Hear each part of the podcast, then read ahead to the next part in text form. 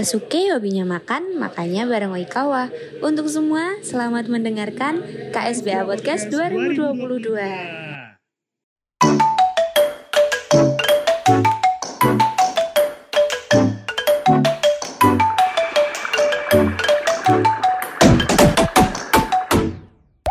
Assalamualaikum warahmatullahi wabarakatuh semuanya. Selamat malam dan selamat beraktivitas. Balik lagi nih sama kita di Kipot episode ke berapa nih Kak? Episode kelima nih Cak. Oke, udah di episode kelima aja nih Kak. Sebelum masuk ke pembahasan nih Kak, sebaiknya kita kenalan dulu. Biar para pendengar kita sama-sama kenal nih. Mulai dari Kalando deh. Oke teman-teman, halo semua. Kenalin nih, aku Harlando, biasanya dipanggil Lando. Aku dari semester 7 Fakultas Hukum nih angkatan 19. Salam kenal teman-teman semua. Oke, salam kenal Kalando.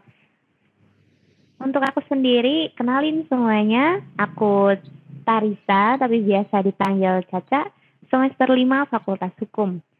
Next, kita langsung ke narasumber kita nih, Kak. Kita punya narasumber. Boleh kenalin diri, Kak? Halo, selamat malam. Malam ya kalau yang pas lagi ngerekam lagi malam nih. Tapi mungkin teman-teman lagi siang atau pagi silahkan dengerin ya teman-teman podcastnya KSBA. Jadi kenalin teman-teman, nama aku Somi uh, dari Fakultas Hukum 2019 semester 7 juga sama kayak Lando. Salam kenal semuanya. Oke, di episode kali ini nih Kak. Oke, salam kenal. Di episode kali ini kita bakal bahas sesuatu yang menarik nih kak. Kayaknya pendengar kita udah nggak sabar nih. Iya, kayaknya emang udah pada nungguin juga kan. Yang kelima ini apa sih yang bakal kita bahas? Apa sih Cak yang bakal kita bahas ini? Di episode kelima, kipot kita ini bakal bahas gimana sih caranya memper, mempelajari bahasa Jepang melalui berbagai media nih kak kayak mulai dari seninya, film ataupun musiknya. Wah, kalau misalnya kita dengar tentang bahasa Jepang nih, dia kayak kita kayak nginget-nginget jati diri kita sebagai wibu gitu loh. Enggak sih, lebih ke kartun-kartunnya ataupun anime yang hmm. sering tayang di pertelevisian Indonesia dulunya, iya enggak? Bener banget tuh kak banyak banget dari anak-anak muda sekarang nih yang suka banget sama di Jepangan sampai dibikin kontes cosplay cosplay tokoh anime juga. Oke, sebelum masuk ke pembahasannya nih kak, jelas banget dong kak sampai anak-anak muda di Indonesia itu banyak banget yang ngadain ajang-ajang atau event cosplay tokoh-tokoh anime.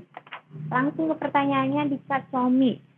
Menurut Kak Somi sendiri nih Kak, bahasa Jepang itu gampang nggak sih untuk dipahami? Oke, uh, jadi menjawab ya teman-teman.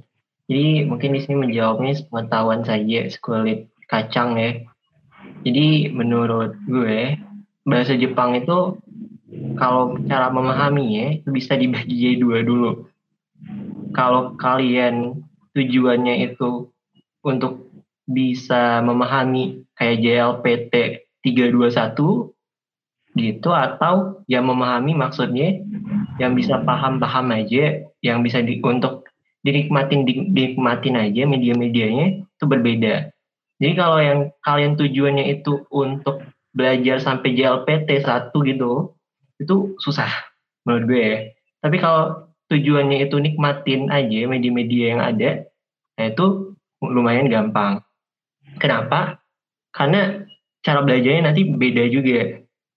Gitu sih menurut gue untuk pertanyaan pertama ya. Oke, hmm. dengan yang udah Kak Sony paparkan tadi ya, kan ada cara yang um, pemahaman yang lebih mudah dan ada juga pemahaman yang menurut Kak Somi ini sulit untuk dipahami. Tapi gimana sih Kak biar kita itu mudah dan paham sama yang namanya bahasa Jepang? Menurut Kak Somi aja deh. Oke, jadi sebenarnya untuk cara memahami bahasa itu baik bahasa Jepang ataupun bahasa-bahasa lain sebenarnya itu tuh mulai dari pembiasaan. Itu baik yang mau tujuannya tadi yang mau paham JLPT yang ikut-ikut tes gitu atau yang cuman untuk menikmati saja itu semuanya sama. Perlu yang namanya pembiasaan. Pembiasaan dalam artian itu harus diulangi secara terus menerus di mana kalau uh, contohnya ya teman-teman kalau pembiasaan ini sebenarnya juga harus diikutin sama ada hal yang harus apa ya ya kalian tuh harus ada hal yang nikmatin dulu gitu. Jadi bisa santai nikmat gitu diulang-ulangnya. Contohnya gue kan ya gue sebagai wibu ya pastinya media yang gue nikmatin ya kayak contohnya ya pasti anime atau mungkin lagu-lagu di Jepangan. Jadi cara menikmatin gue pembiasaannya ya gue denger dengerin lagu-lagunya gue tonton-tonton anime. Jadi nggak serasa kayak belajar. Nah tapi kalau misalnya tadi kalau teman-teman semua uh, pengennya pinter dalam memahami atau bisa ikut dalam tes seperti JLPT 1, 2, 3 itu, nah cara belajarnya lain lagi, tapi tetap pembiasaan, pengulangan, di mana kalian harus, misalnya di JLPT kan ada tes kanji tuh, jadi mungkin setiap hari kalian perlu belajar kosakata berapa kanji, nanti diulang-ulangin sampai kalian di luar kepala. Nah gitu sih sebenarnya, jadi apa yang harus disiapkan untuk teman-teman sekalian, baik yang tujuannya dua tadi berbeda, tetap sama. Harus cari dulu apa sih yang bisa kalian nikmatin, uh, biar nanti pembiasaannya enggak jadi beban, gitu sebenarnya. Hmm. Oke sih, lumayan bisa di ya, bisa dipahamin sih. Terus gini nih, Somi, kan di YouTube sendiri nih Som ada hmm. banyak tuh tutorial biar ya tutorial bisa cepat bahasa Jepang tutorial memahami Jepang secara cepat gitu kan itu menurut Somi sendiri efektif gak sih tutorial-tutorial itu? Apa udah pernah pasti udah pernah buka-buka juga kan iseng-iseng? Iya. Gimana sob? Jadi tergantung ya teman-teman. Tutorialnya itu gimana. Tapi misal tadi yang seperti kata Lando, tutorial cara cepat belajar bahasa Jepang, uh, menurut gue ya nggak ada yang namanya cara cepat belajar bahasa. Karena seperti yang tadi gue jawab sebelumnya, itu pastinya harus pembiasaan, pengulangan. Di mana kalau tutorial-tutorial tadi sebenarnya uh, pastinya ya itu tuh informasi dari teman-teman yang sebelumnya telah belajar bahasa tapi menurut pribadi mereka juga. Nah, jadi kan semua hal itu tidak bisa diterapkan kepada diri masing-masing ya. Jadi harus difilter dulu yang mana yang cocok atau yang tidak. Misal ya ilustrasi saja, kalau pengalaman gue dulu ada tuh yang ada YouTube aneh-aneh gitu video yang kosakata dalam topik tertentu misalnya hewan, jadi misal kayak wani, tori disebutin satu-satu gitu, terus didengerin sambil tidur. Judulnya dengerin sambil tidur nanti apal sendiri. Nah itu kan gak mungkin kan ya? Iya sih. Nah, jadi ya harus difilter lagi. Dicoba dulu apakah cocok dengan diri masing-masing. Setelah itu kalau emang cocok ya teruskan tapi kalau nggak cocok ataupun mungkin cara belajarnya memang salah ya jadi jangan diturutin diturutin gitu itu sih menurut gue Oke, oke, oke. Nah, tadi kan kita ngebahas belajar media dari YouTube nih. Ada yang memang efektif, ada yang rada sesat juga ya kan. Tapi kan ada media pembelajaran lain nih Som untuk mempelajari bahasa Jepang. Menurut kamu media-media lain ini bakalan efektif juga nggak sih? Lebih efektif apa enggak gitu? Menurut Somi gimana?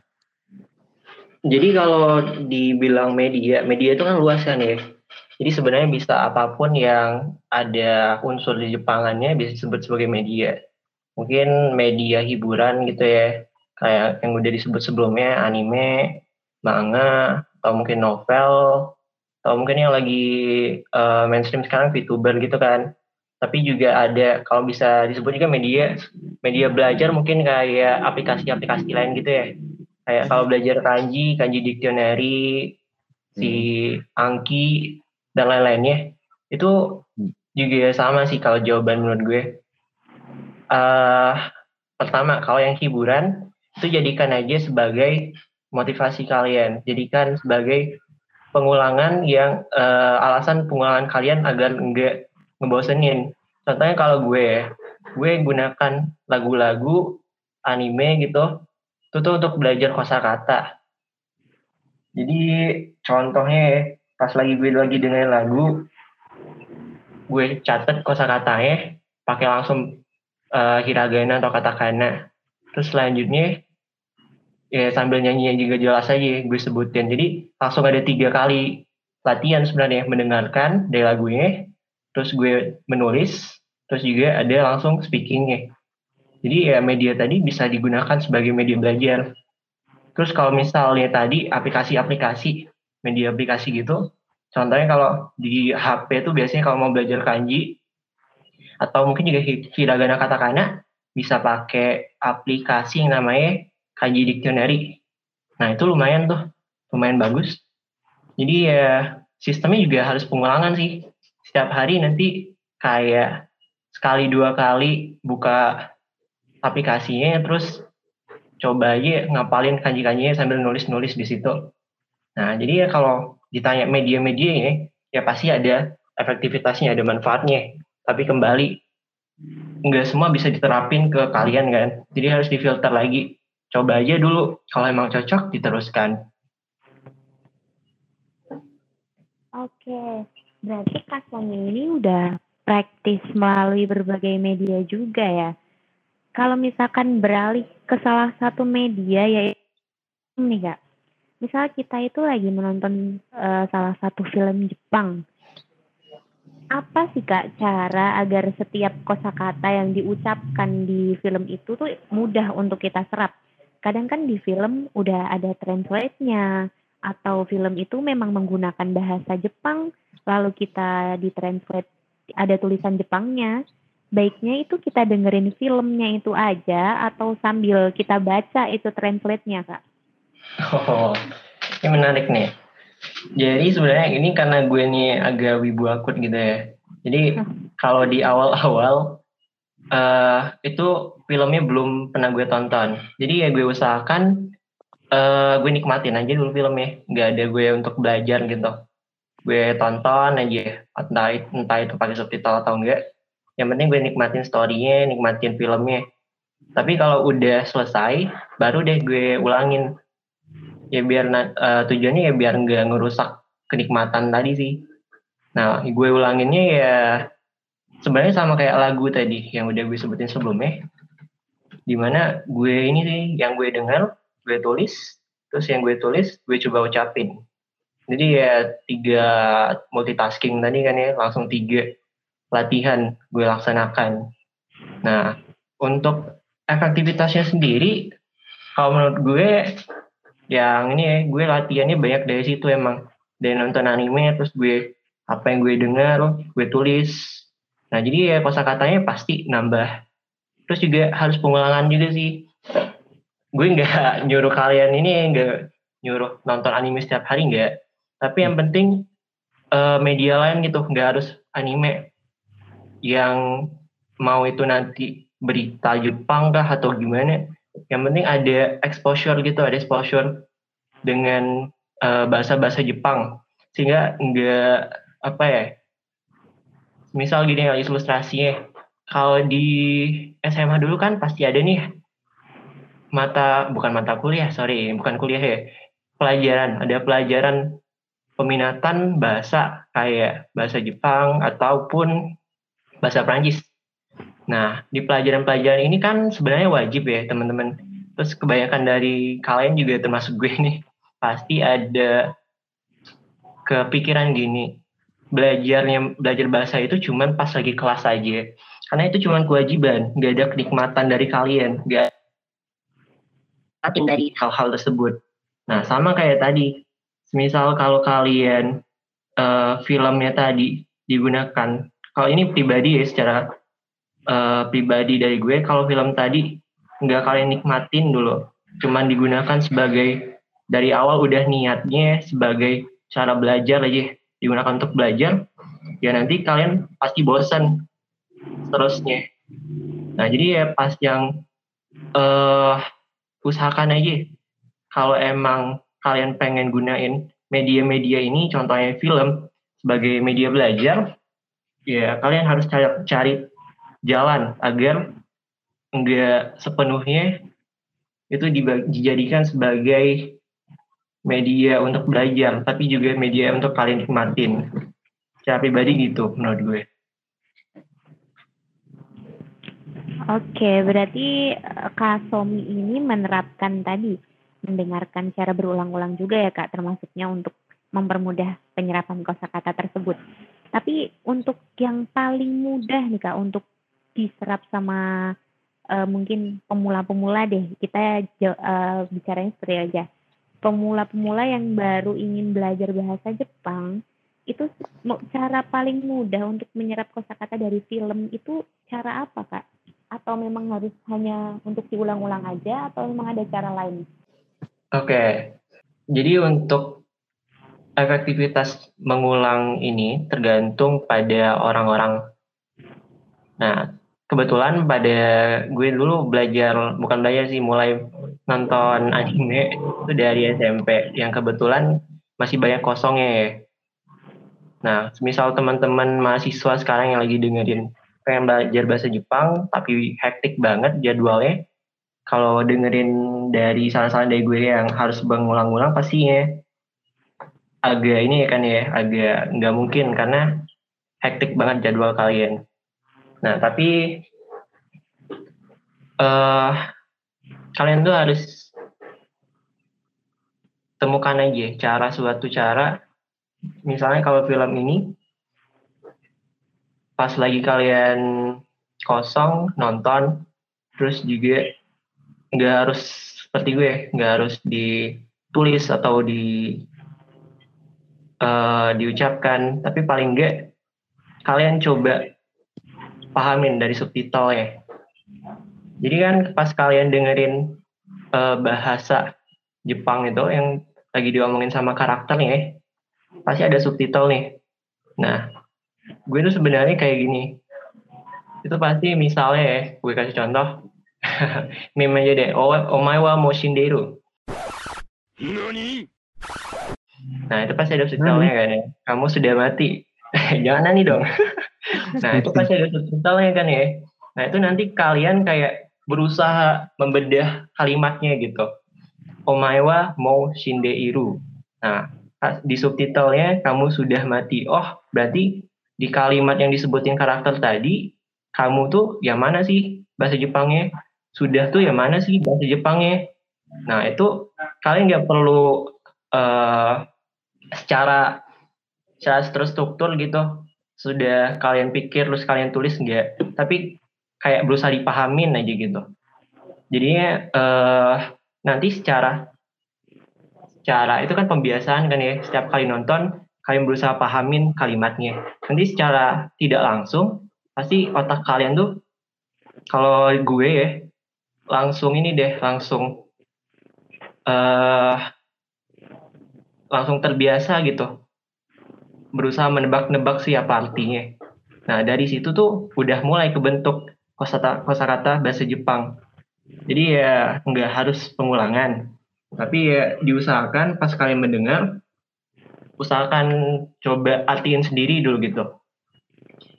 Karena emang media film ini yang paling banyak, uh, paling efektif menurut gue untuk memahamin kosakata. Begitu. Hmm. Oke, okay, oke. Okay. Nah, tadi kan Caca sama Sumi udah ngebahas kompleks nih mengenai belajar Jepang dari media film. Nah, kalau belajar Jepang dari media film nggak akan jauh-jauh dari anime kan kebanyakan anime anime anime semua gak sih di Jepangan ini nah kalau misalnya di bahasan anime ini pasti penikmat di Jepangan itu udah nggak sekedar film lagi bahkan udah ada yang kayak membentuk budaya baru kayak nge-cosplay dan sebagainya deh dan teman-temannya menurut kamu Som, selain menonton film anime, tapi dari budaya anime yang lain kayak cosplay, itu bisa ngebantu untuk memahamin bahasa Jepang gak sih? Oke. Jadi sebenarnya kalau yang uh, uh, budaya-budaya Jepang ya kayak cosplay atau mungkin yang budaya-budaya tradisional juga atau gimana nih dok? Mungkin secara general aja, cuman karena tadi kita nge lebih ngebahas ke anime, makanya dimensionnya ke anime sih. Oke, okay. kalau yang uh, anime sendiri itu kalau dari gue sendiri itu sangat berpengaruh ya.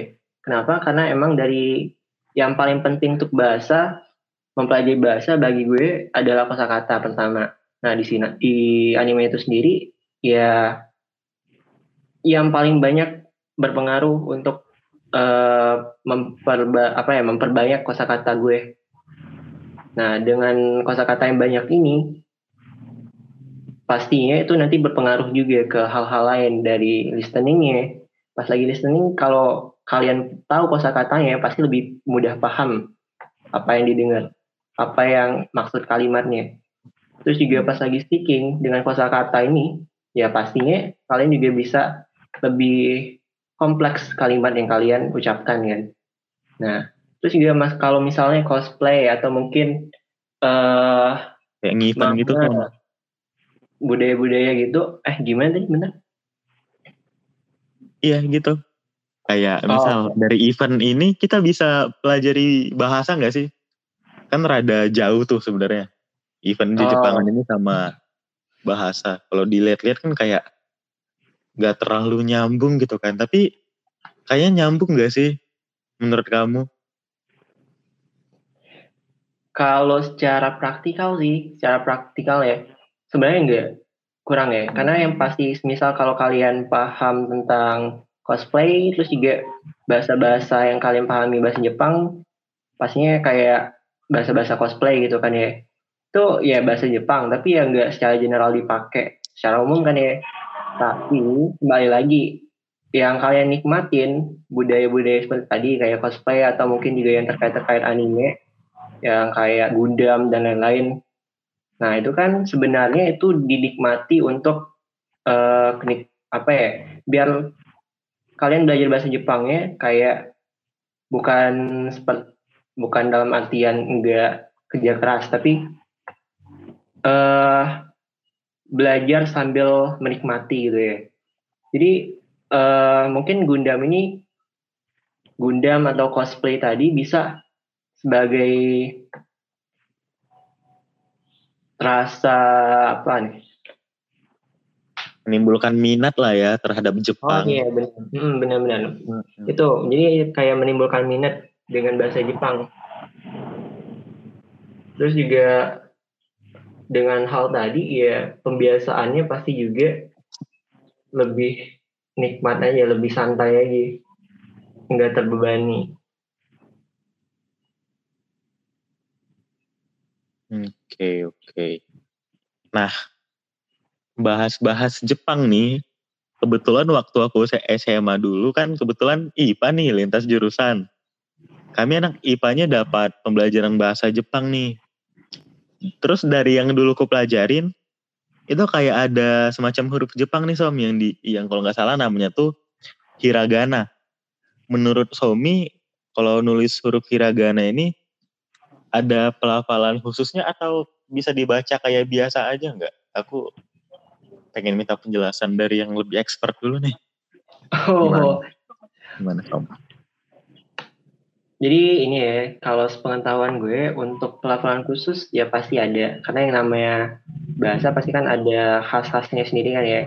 Kayak Indonesia aja beda tempat pasti pelafalannya beda.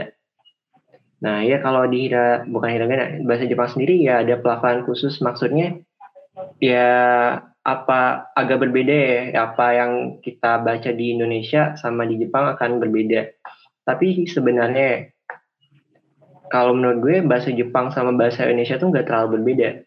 Dalam artian bahasa Jepang ini sebenarnya cuma uh, kata-katanya alfabetnya ya hiragana itu adalah sambungan apa persatuan ya persatuan antara satu vowel terus juga satu konsonan. Misal kan uh, alfabet alfabet Jepang tuh kata, na, ki, ke, ko. Nah, kalau dilihat-lihat itu sebenarnya cuma sambungan-sambungan dari satu konsonan dan satu vowel. Misal K dan E bacanya K, K dan A bacanya K. Itu kan sebenarnya sama, hampir sama sama kayak pelafalan Indonesia. Beda banget kalau kita bandingin sama bahasa Inggris atau bahasa uh, Prancis tuh, yang misal kalau kita baca secara Indonesia, khas Indonesia, misal kata la language, kan kalau kita baca pakai bahasa Indonesia, lan gua g. Tapi kalau kita uh, emang pakai pelafalan bahasa Inggris, kita bacanya language. Kalau bahasa Prancis misalnya uh, tro, troa tiga kan tulisannya Trois tuh. Kalau kalau kita baca pakai bahasa Indonesia kan Trois. Nah, tapi kalau aslinya bacanya Troa. Nah, kalau di bahasa Jepang itu hampir sama sebenarnya. Karena ya tadi K uh, alfabet K dibacanya hampir sama kayak K. Nah, ma, ta, ba itu sama aja. Intinya cuma kayak ada persatuan antara satu yang huruf konsonan dan satu huruf vowel. Nah, tapi uh, memang ada juga beberapa yang khas gitu ya. Karena emang kan beda bahasa pasti ada dikit-dikit lah. Tapi nggak terlalu banyak. Contohnya kayak yang simple-simple. Uh, kalau di kita ini deh, manga. Kalau kita pakai bahasa Indonesia kan uh, manga ya M A N G A. Tapi kalau bahasa Jepang uh, ada G G-nya kayak double gitu jadi mangga. Itu tergantung juga tapi ada yang orang Jepang emang baca manga atau mangga itu tergantung lagi di mana tempat uh, orang itu menyebutkan uh, bahasanya. Jadi kalau emang ditanya lafalan khusus itu ada, ya pasti ada. Gitu. Oke. Tadi udah disinggung nih sama Kalando sendiri tentang pelafalan-pelafalan dari uh, huruf Jepangan gitu ya kak. Sebenarnya hampir sama kayak uh, kita di bahasa Jawa mungkin ya kayak. Ya. Dalam pelafalannya sendiri nih kak, bahasa Jepang itu kan biasanya tadi yang kakak singgung sebenarnya antara tulisan sama pelafalan itu kan uh, ada yang sedikit-sedikit berbeda.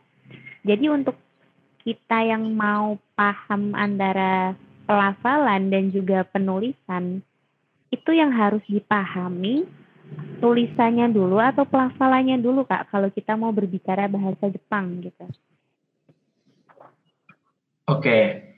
uh, eh, mungkin untuk jawab pertanyaan ini, uh, gue ada ini sih, ada pernah ya nonton di YouTube tuh kayak wawancara sama orang Jepang. Nah, di, uh, yang ditanyain topiknya itu tentang ketika mereka ketemu sama gaijin sama bu, orang asing yang menurut mereka orang bukan orang Jepang ya berarti ya. Ketika mereka ngomong bahasa Jepang aneh gak atau kerasa nggak terhormat gak nah sebenarnya kalau gue lihat eh, dari wawancaranya itu mereka eh, nggak masalah. Emang itu ada aneh-aneh ya tapi itu kayak ilustrasinya sama aja kalau kita ngeliat orang bule nih. Orang bule ke Indonesia uh, mereka ngomong bahasa Indonesia tapi kan pasti agak patah-patah gitu kan. Terus juga ada kalau orang Inggris agak ada aksen-aksen Inggrisnya pasti di bahasa Indonesianya ini mau aqua agua? Agua belum 100% aqua nih. Itu tidak agua itu arak. Kamu bohong. Anjay aku bohong. Arak yang bohong. Tapi kita umumnya orang Indonesia pas ngelihat orang bahasa uh, orang in, orang asing ini bule ini ngomong bahasa Indonesia kita nggak terlalu permasalahin intonasi atau pelafalan mereka malah kita ada rasa bangga gitu kan ya.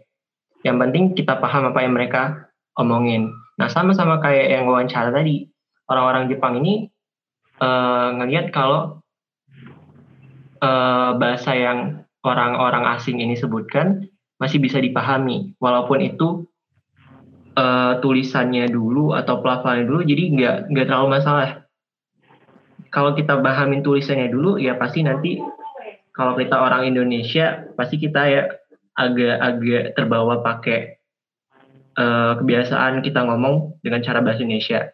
Tapi kalau pelafalannya dulu, sejujurnya emang media media gitu yang kayak uh, di internet ya misal kalau harus kita filter juga ya misal kalau anime sama film terus juga sama misalnya podcast orang Jepang ya atau mungkin drama gitu.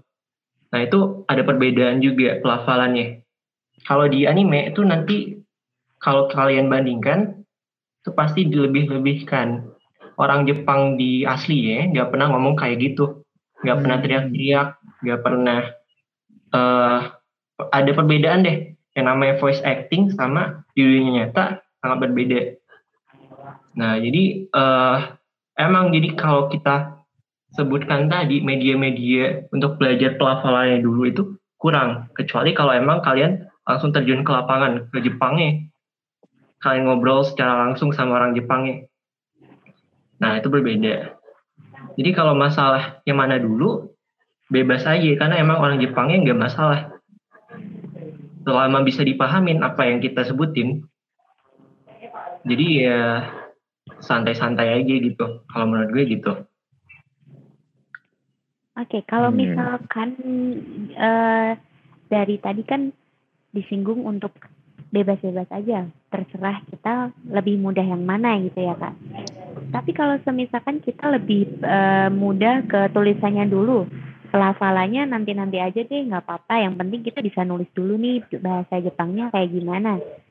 Tapi kalau misalkan untuk diucapkan, kita mencoba untuk mengucapkan itu terhadap orang Jepangnya langsung, tapi pelafalannya itu salah.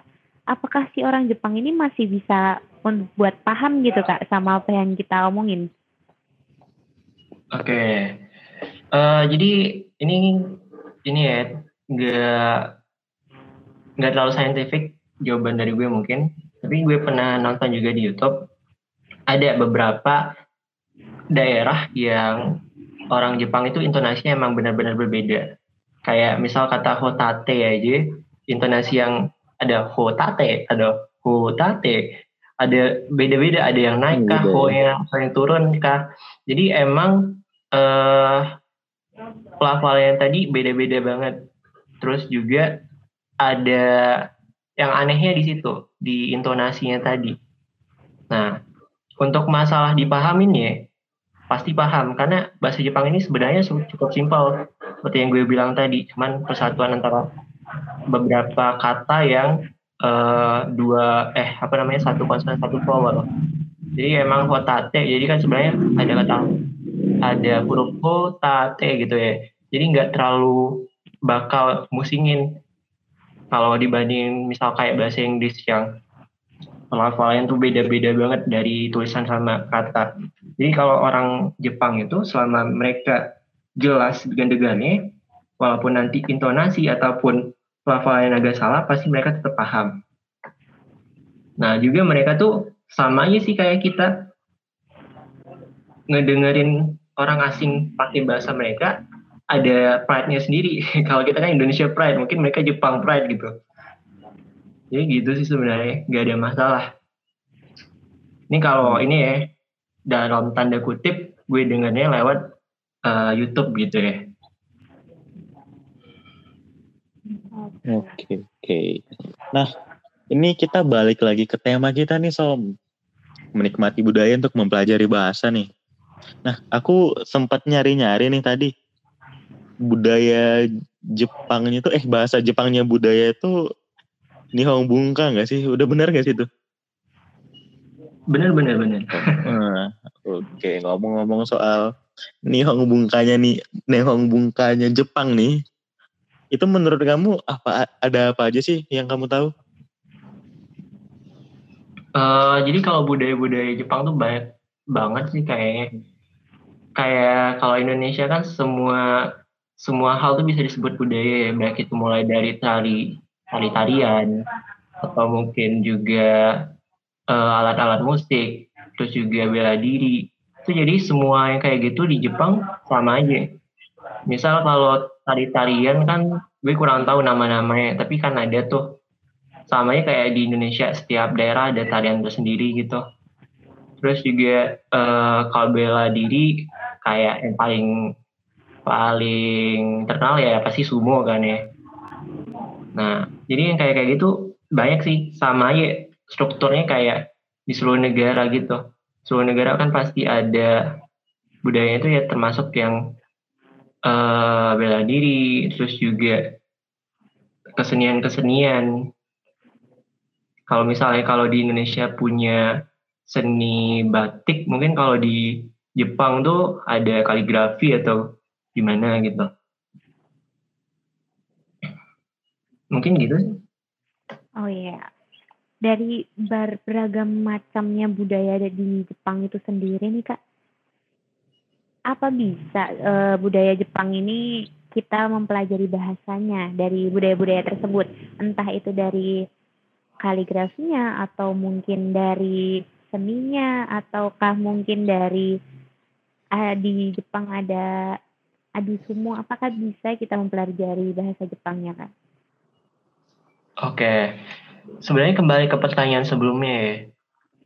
Kalau kita tuh belajar tentang suatu topik tertentu, pasti yang kita pahamin tentang topik-topik tertentu tadi.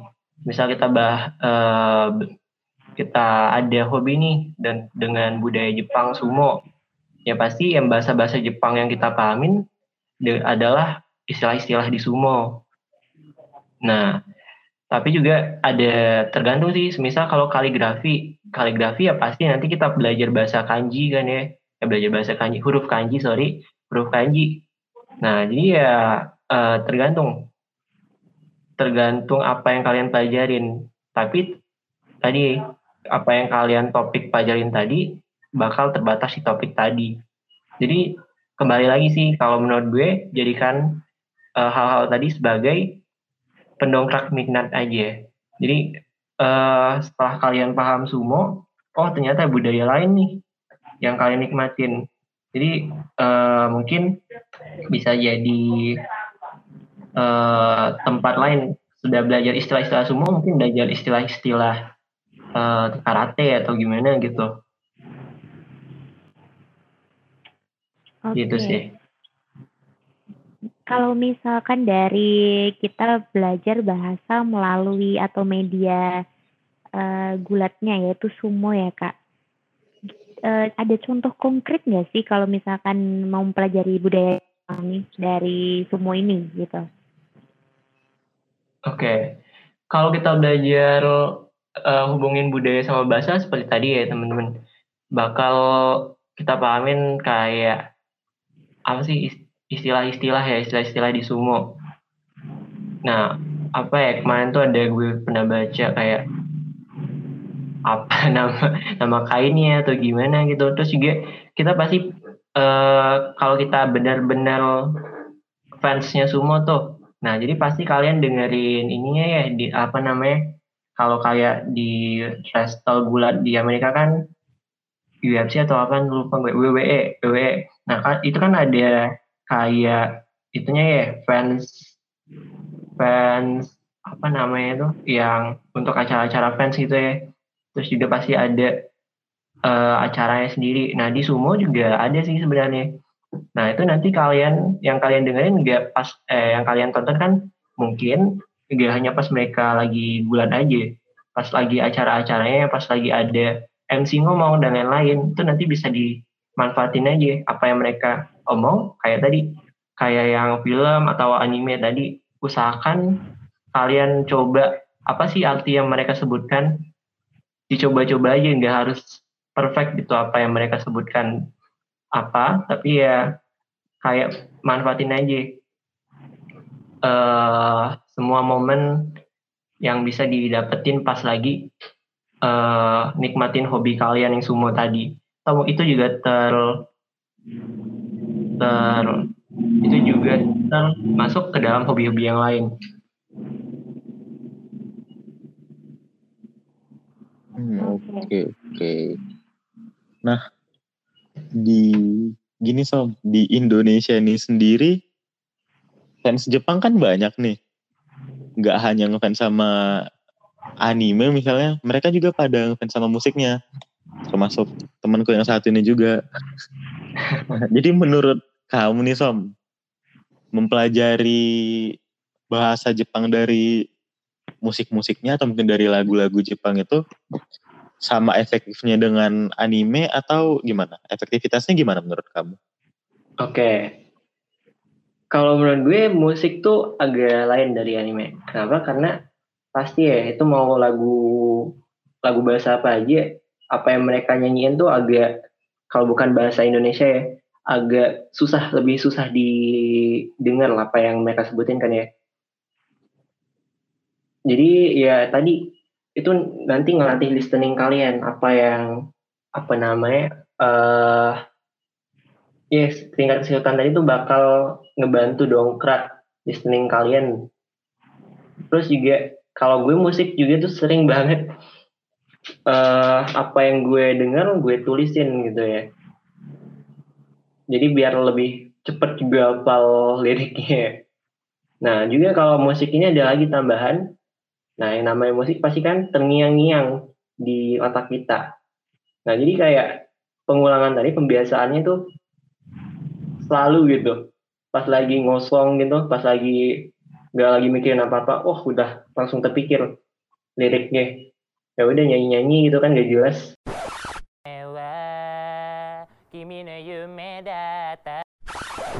Jadi ada latihan gitu secara tidak langsung. Ini musik ini menarik banget jadi uh, kalau emang senang bahasa Jepang terus pengen sekalian latihan listening terus juga sekalian speaking kalian juga belajar bahasa-bahasa eh kosakata ya itu musik bang, bagus banget untuk dijadikan uh, jadikan media untuk belajar. Begitu sih. Oke oke. Nah, kalau mi misalnya kita dengerin musik Jepang nih, itu kan kayak pasti pengen tahu artinya juga kan. Nah, di YouTube tuh sering kayak lirik dan terjemahan gitu dari Jepangan. Itu rata-rata dari yang kamu baca dan yang kamu ketahui kalau kamu bandingin Jepang sama Indonesia-nya itu rata-rata nyambung gak sih Som kebanyakan? Oke. Itu ini ya ada kayak beberapa emang ada beberapa lagu yang cocok tuh kalau dinyanyiin dalam bahasa Indonesia kayak yang Stand By Me atau gimana kemarin tuh ya kan ada yang lumayan viral itu nah tapi kebanyakan juga kalau gue lihat ada lagu-lagu Jepang ini banyak yang aneh-aneh juga sih sebenarnya. Kalau lu kalau kalian tahu baby metal atau mungkin yang aneh-aneh lagi misal apa ya? Eh deh gue baby metal aja deh baby metal. Hmm. itu kan tahu tahu lah. Lirik-liriknya kan aneh-aneh tuh. Cuman teriak nggak jelas terus bla bla bla gitu. Kalau dibandingin ya kayak emang ada culture difference-nya sama Indonesia. Lirik-liriknya juga uh, agak berbeda-beda juga sama lirik-lirik yang biasa di lagu-lagu Indonesia. Uh, juga kalau di Indonesia kan apa sih ngomongnya ya? Ini ada kalau di lagu Jepang itu banyak pakai hal-hal analogi gitu kalau Indonesia tuh kalau gue lihat lagu-lagunya langsung ke to the, to the point gitu. Ke patah hati nanti banyak tuh diomongin tentang patah hatinya. Tapi kalau misalnya di Jepang tuh kayak ada analogi lainnya. Misal disebutin buah apa terus lagi ada apa gitu. Jadi kayak simbolik simbolik gitu. Gitu sih kalau masalah perbedaannya. Uh, untuk diartikan ke bahasa Indonesia langsung ya selama itu translate-nya agak di apa ya di lebih, lebih bukan lebih lebihin di diusahain untuk nyambung gitu pasti nyambung tapi kalau masalah perbedaannya banyak juga. Ada masalah budayanya, perbedaan budayanya. Gitu sih menurut gue. Nah, kita ke next pembahasan nih Kak. menurut Kak Somi pribadi, Kak Somi prefer itu mempelajari bahasa Jepang melalui media apa nih Kak? Oke. Da- karena tadi kan udah dijelasin banyak banget tuh kalau misalkan media Jepang itu yang bisa kita jadikan bahan kan banyak sekali ya Kak. Tapi prefer ke yang mana sih untuk Kak Somi sendiri? Oke. Jadi kalau gue sih kan orangnya bukan yang tujuannya untuk bisa ngerjain tes JLPT dan lain-lain, tapi lebih bi, eh, agar bisa nikmatin media-media yang ada ya. Nah, kalau media sekarang yang gue nikmatin lebih eh, nyaman aja, itu lebih ke yang fungsinya untuk bisa listening, bisa paham pembicaraan sehari-hari. Nah, dulu tuh kan gue sering nonton anime ya, eh, dari SMP sampai kuliah awal-awal. Tapi karena eh, ternyata sekarang banyak kegiatan juga, jadi nonton anime juga terbatas gitu. Nah, jadi eh yang gue langsung gunakan itu sih sebenarnya yang lebih praktis. Contohnya yang lagi viral VTuber.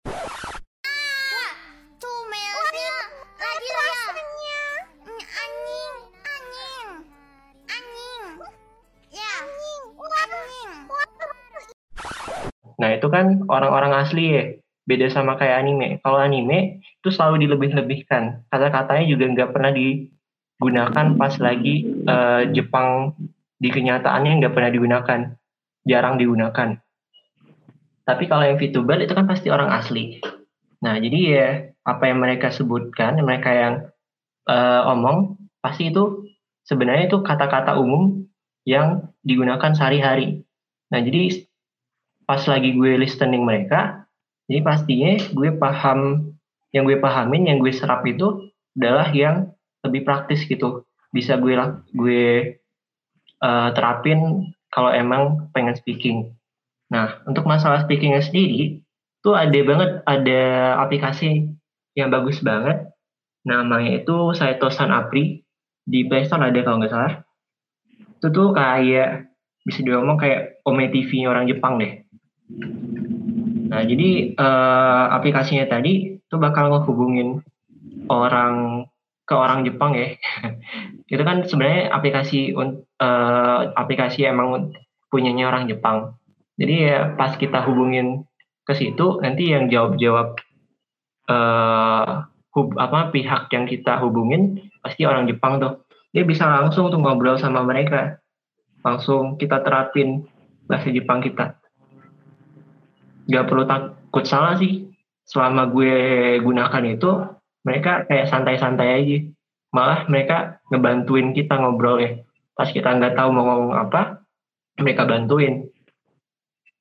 Gitu sih. Itu jadi yang kalau gue eh, nikmatin sekali sebenarnya VTuber. Untuk alasan pertama mereka gunain eh, pembicaraan sehari-hari.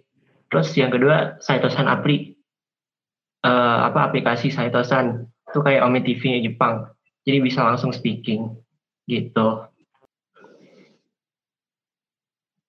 Untuk sekarang ya karena emang eh, kembali ya yang paling gue nikmatin sekarang VTuber. Karena eh gue emang suka denger orang streaming dari dulu. Terus pas lagi booming oh kan udah di Jepangan. Terus gue suka streamer juga.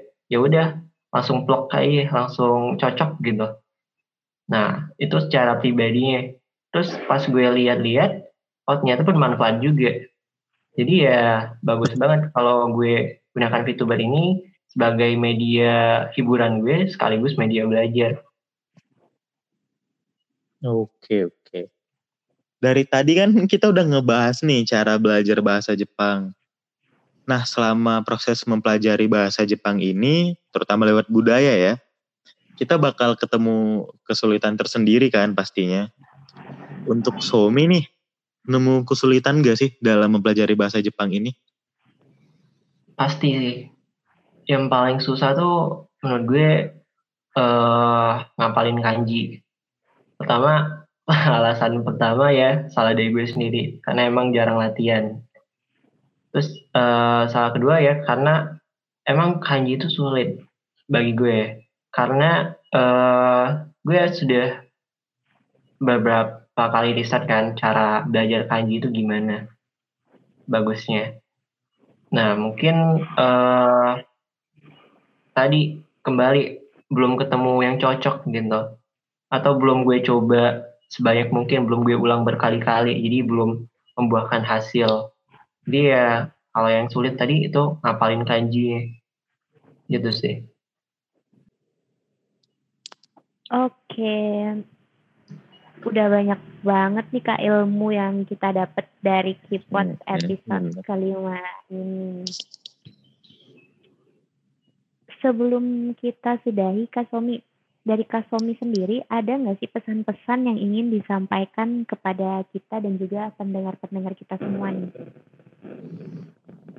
Oke, eh, mungkin kalau pesan kurang eh, kurang cocok disebut sebagai pesan ya, tapi mungkin sebagai eh himbauannya ya apa ya, lebih ke saran sih.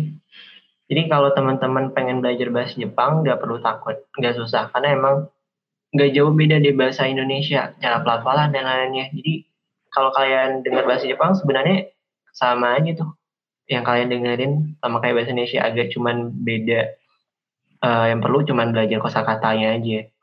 Nah untuk belajarnya sendiri yang paling kalian harus lakukan pertama kali menurut gue tuh harus cari dulu tujuan eh bukan cari alasan kenapa harus belajar bahasa Jepang ya.